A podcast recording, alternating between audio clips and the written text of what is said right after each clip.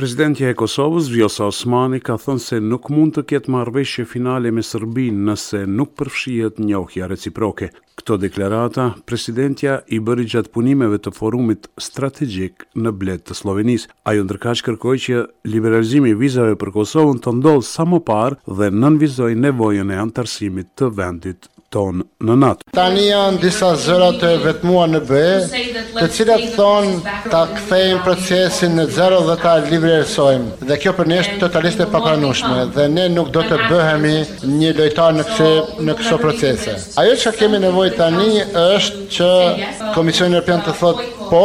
Kryeministri Albin Kurti gjatë pjesëmarrjes në tryezën e rrumbullakët në Athinë të Greqisë, tha se Kosova është tregim suksesi, sidomos në fushën e ekonomisë. Kurti foli edhe për sukseset në fushat e tjera e sidomos në sferën e sundimit të ligjit. Ai theksoi se zgjidhja për Ballkanin Perëndimor është Bashkimi Evropian. Zgjidhja për Ballkanin Perëndimor është Bashkimi Evropian dhe drejt këtij fundi Ne kërkojmë procesin e Berlinit 2.0 në bazë të një starti të potencuar nga kancelari Scholz dhe unë besoj që me presidentin Biden në shtëpinë e bardhë dhe në Berlin me kancelarin Scholz ne mund të krijojmë një urë transatlantike që në shekullin 21 është më i rëndësishëm sesa ka qenë Në mungesë të kuorumit në Kuvendin e Kosovës dështoi votimi i projektligjit për Byronë Shtetërore për Verifikimin dhe Konfiskimin e Pasurisë së Pajustifikueshme. Nga gjashtëdhjetë e një deputetë sa ishin në sallë, në votim morën pjesë vetëm katërdhjetë e pesë deputetë të shumicës, të cilët votuan pro, kryeparlamentari Glauk Konjuca. nuk votoi fare.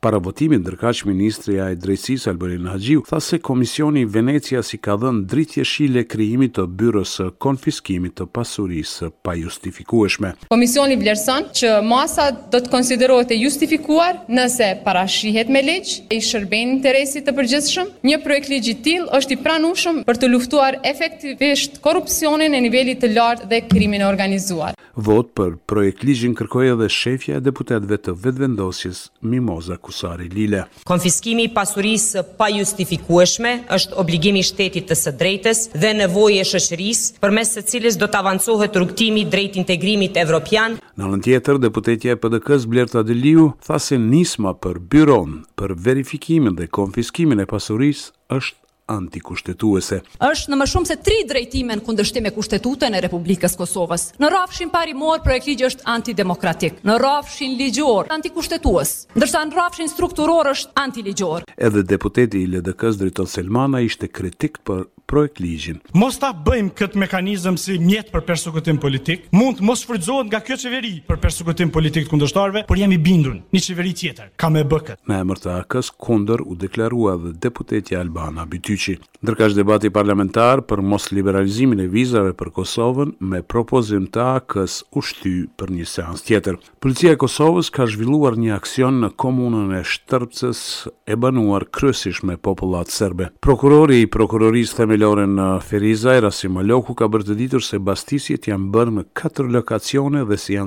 sekuestruar të gjitha kamerat e vendosura nga strukturat ilegale të Serbisë. Në komunën ilegale ka pasur dokumentacione dhe pajisje elektronike, kemi sekuestruar edhe kamerat të cilat janë kanë qenë të vendosura për shtyllat elektrike dhe vende tjera publike në komunë, e që kanë qenë të vendosura nga strukturat ilegale.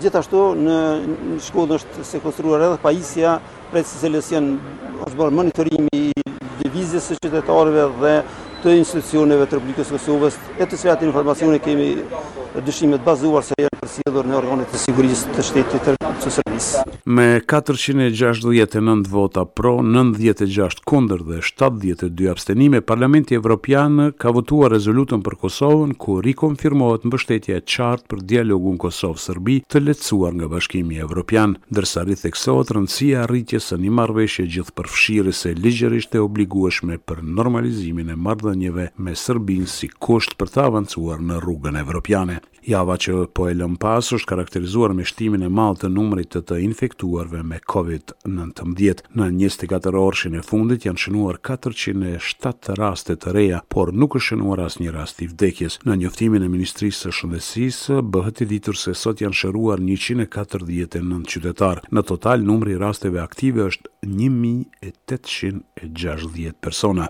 Ndërkaq, institucionet e shëndetësisë në Kosovë sot kanë apeluar qytetarët për përdorimin e maskave në ambiente të mbyllura. Për Radion SBS, Mendo Ysa, Prishtinë.